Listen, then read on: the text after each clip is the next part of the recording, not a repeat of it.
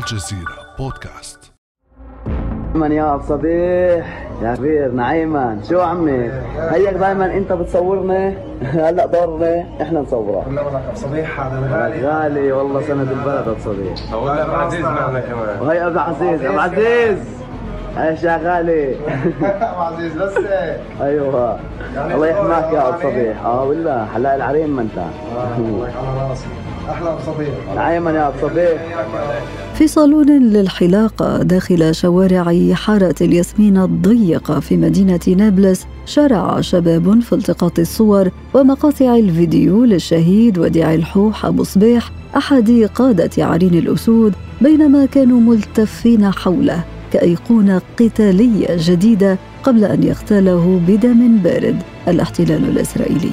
النصر ولا الاستسلام بإذن الله. النصر ولا للاستسلام. كانت هذه آخر كلمات الشهيد الحوح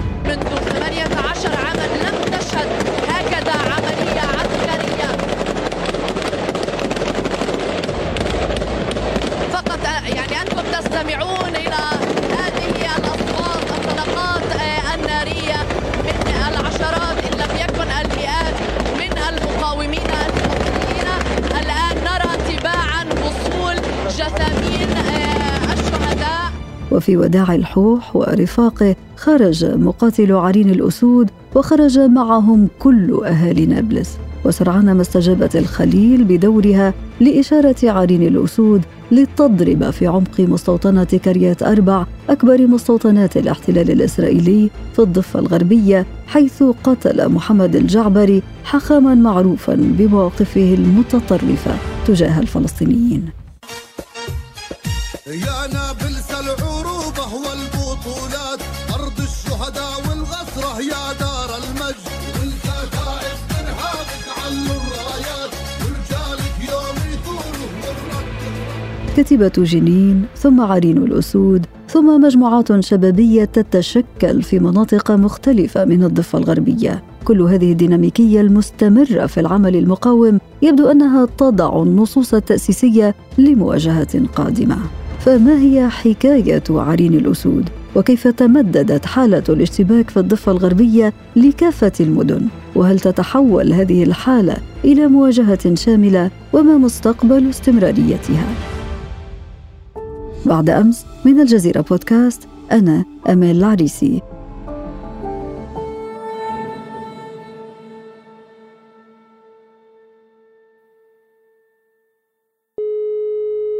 ومن فلسطين أسعد في هذه الحلقة باستضافة الكاتب والمحلل السياسي الأستاذ خلدون البرغوثي.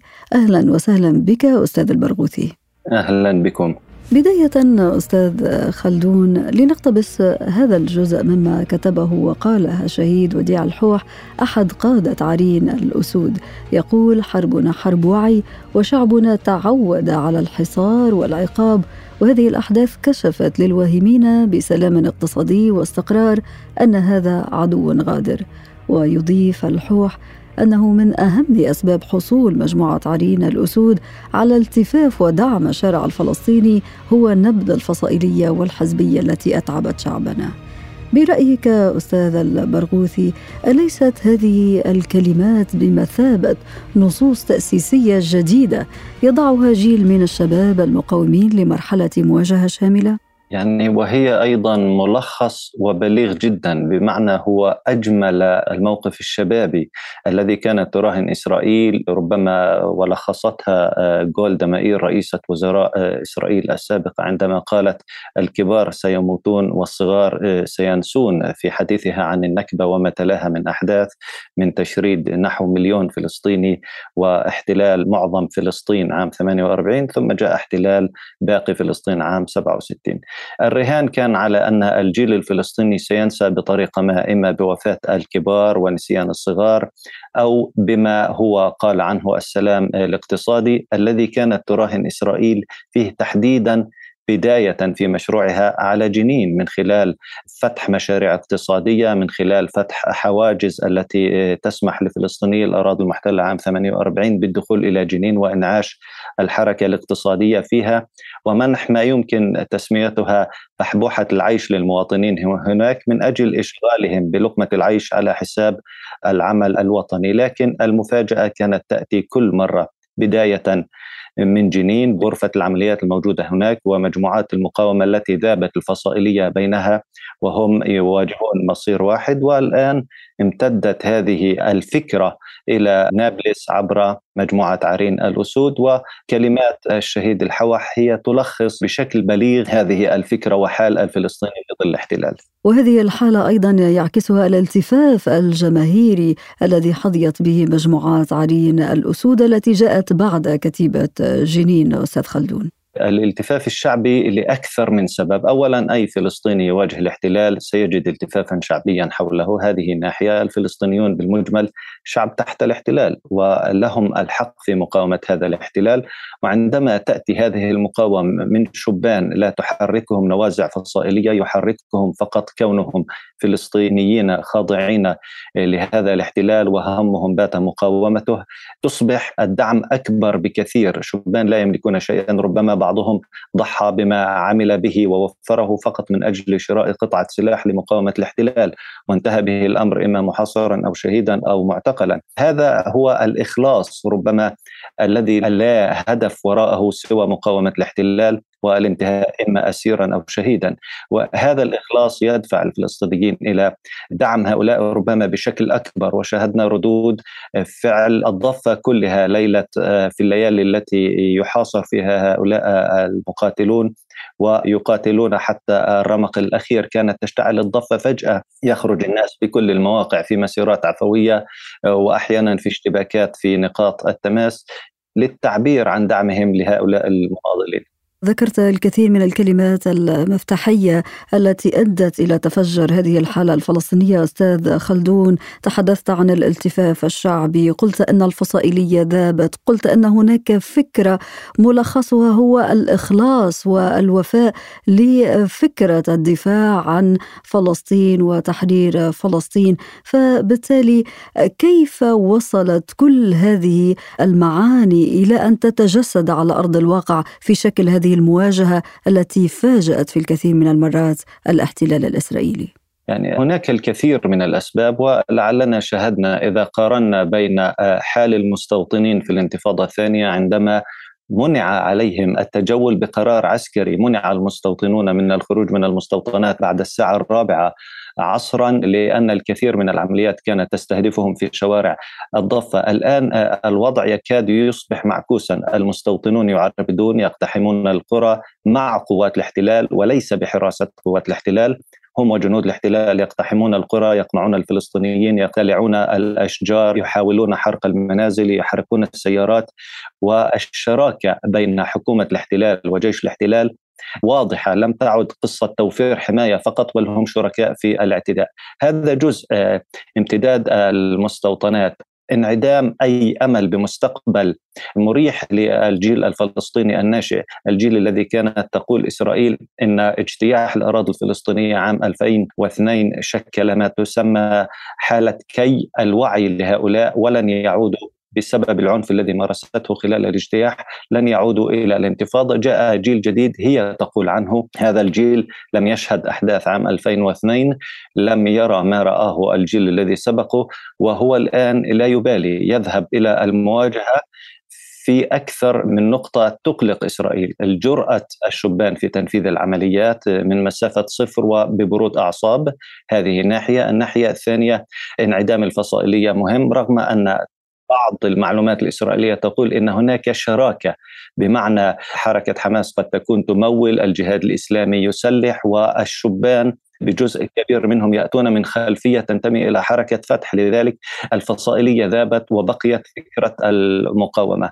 ممارسات الاحتلال لانعدام الأمل هو الذي مع دافعية الفلسطيني وحقه في مقاومة الاحتلال هي التي أوصلت أو أنبتت هذه الفكرة والتي تحولت إلى فعل على أرض الواقع. إذا راهنت إسرائيل على كي الوعي فتفاجأت بجيل فلسطيني جديد أكثر وعيا بالحالة النضالية. ومنذ بداية هذا العام عام 2022 تمكنت المقاومة الفلسطينية من قتل 25 جنديا ومستوطنا إسرائيليا ومن تنفيذ أكثر من 2200 عملية فيما لا يمر يوم دون اشتباك على الحواجز في الضفة الغربية.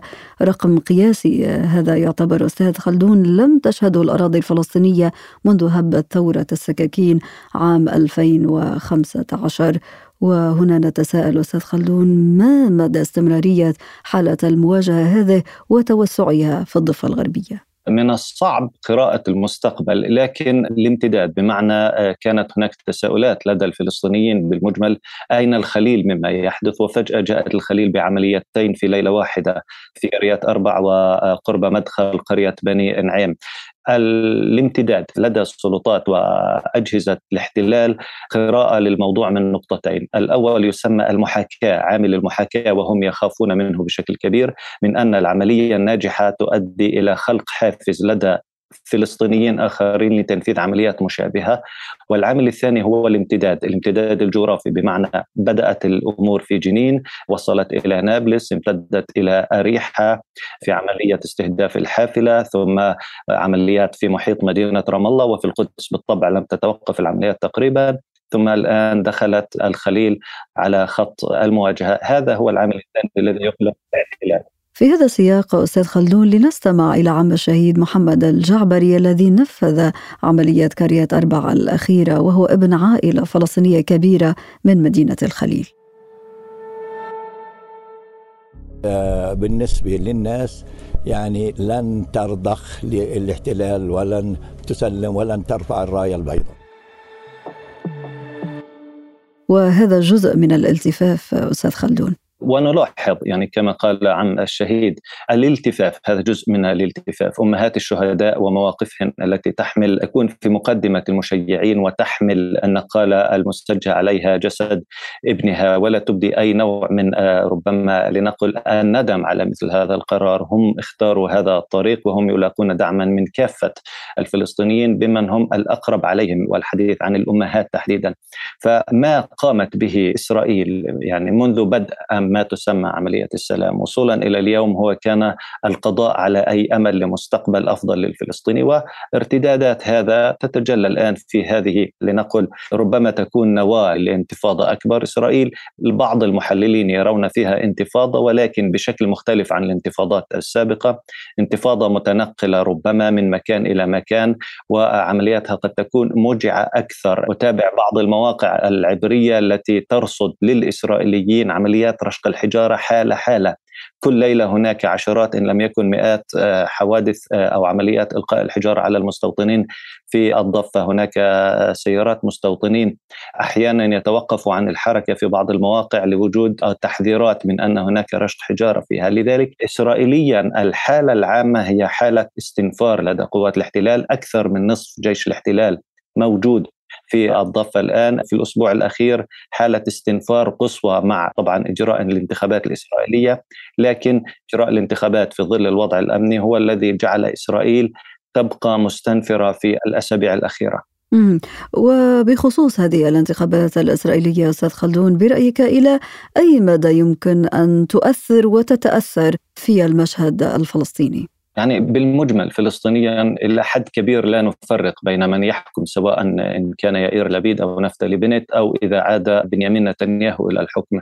موقفهم كلهم من الفلسطينيين هما هو موقف واحد والخلاف اسرائيليا هو على سياساتهم الاقتصادية وسياساتهم الاجتماعية، أما فلسطينيا كلهم يتعاملون مع الفلسطيني بنفس الطريقة يتبنون تقريبا نفس المواقف حتى يائير لبيد عندما تحدث في الجمعية العامة للأمم المتحدة عن حل الدولتين.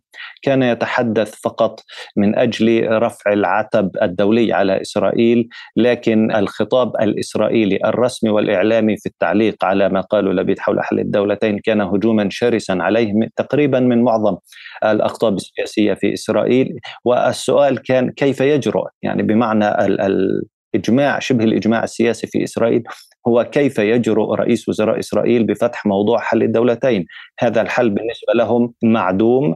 ما الذي يفسر إصرار السلطة الفلسطينية على موقفها الرافض للمقاومة؟ يعني لدى السلطة موقف آه، هو مبدئي التمسك بعملية السلام والذهاب إلى الخيار الدولي والدعم الدولي للضغط على إسرائيل. ربما التجارب السابقة في خاصة في الانتفاضة الثانية هي التي أوصلت السلطة إلى هذه الحالة، إسرائيل قامت بتدمير مؤسسات السلطة وأجهزتها وأدخلت الأراضي الفلسطينية في حالة فوضى وهناك خشية رسمية من العودة إلى هذه الأمور، لكن في الوقت نفسه لا يوجد تحقيق إنجاز سياسي سواء على المستوى في المفاوضات مع إسرائيل وهي مفاوضات ميتة منذ أكثر من 20 عاما. وعلى مستوى تحقيق إنجاز دولي في الأمم المتحدة في مجلس الأمن في المؤسسات آه، الدولية الأخرى بخلق حالة ضغط حقيقية على إسرائيل. الآن يبدو أن الموقف الفلسطيني هو الاستمرار في المعركة الدبلوماسية والدولية وتجنب المواجهة هذا الموقف الرسمي تجنب المواجهة على الأرض لأن عدوان الاحتلال فيها قد يؤدي إلى وقوع خسائر كبيرة فلسطينية خسائر اقتصادية لكن يبدو أن الاحتلال في سياساته قد لا يترك مجالا كبيرا للفلسطينيين بشكل عام للشعب الفلسطيني إلا بالذهاب نحو المواجهة لأنهم لم يعني عملية السلام قضوا عليها المستوطنون خلال 25 عام منذ أوسلو حتى اليوم قفزوا من 100 ألف مستوطن إلى نحو 700 ألف مستوطن في الأراضي المحتلة. خريطة الدولة الفلسطينية من أيام رابين إلى اليوم لم تختلف كفكرة في ناحية السيطرة على الأرض والمفاصل والكانتونات لكن الفرق أن الآن 10% من الإسرائيليين هم مستوطنون في الأراضي المحتلة وإسرائيل تريد إبقاء المناطق التي يسيطرون عليها تحت سيطرتها و ترك الفلسطينيين يعيشون في كيان يقدم لهم خدمات آه، مدنية، هذا كان خيار رابين حتى عام 95 قبل مقتله بشهر، كان هذا مضمون خطابه في الكنيست عن رؤيته لعملية السلام. رسميا لا يزال التمسك بربما أو الأمل بتحرك دولي بموقف دولي لكن يعني من الصعب في ظل المعادلات الدولية الأخيرة خلق مثل هذه الحالة. ولكن خيار المواجهة أستاذ خلدون يبدو أنه له تكلفة مرتفعة جدا بالنسبة للفلسطينيين وهناك في الجانب الآخر من يقلل من أهمية هذه المواجهة الجارية في الضفة الغربية بالخصوص برأيك ما جدوى هذه المواجهة وما مستقبل استمراريتها؟ كما قلنا من الصعب الحكم فيه ربما يفرض آه، أو يحدد ذلك أكثر سلوك سلطات الاحتلال هذا جانب. وأيضا امتدادات المجموعات آه، المقاومة مثل عرين الأسود وفعاليه العمليات التي يقومون بها على الأرض. في الجدوى المقاومة يعني في القوانين الدولية كل شعب تحت الاحتلال له الحق في مقاومة هذا الاحتلال. هذا حق محمي في القانون الدولي. الاحتلال يسعى بكل السبل ليس فقط بتجريم الفلسطينيين الفلسطيني المقاوم على الأرض، الاحتلال أيضا يجرم من ينتقد إسرائيل سواء كان فلسطينيا عربيا أو دوليا حتى لو كان يهوديا اسرائيليا مناصر للحقوق الفلسطينية. مثل هؤلاء يتهموا بأنهم معادون للسامية مثلا إسرائيل. تقلق على موقفها تقلق من تصاعد أشكال المقاومة ليس فقط المقاومة الفعلية على الأرض من تقلق من حركة مقاطعة إسرائيل وسحب الاستثمارات وفرض العقوبات عليها بي دي إس. المقاوم حيث كان بأي شكل من أشكاله هو مستهدف لكن المقاومة لا تتوقف طالما أن الاحتلال قائم. وطالما أن حالة الوعي النضالية هذه مستمرة الكاتب والمحلل السياسي الأستاذ خلدون البرغوثي شكرا جزيلا لك. الشكر لكم. كان هذا بعد أمس.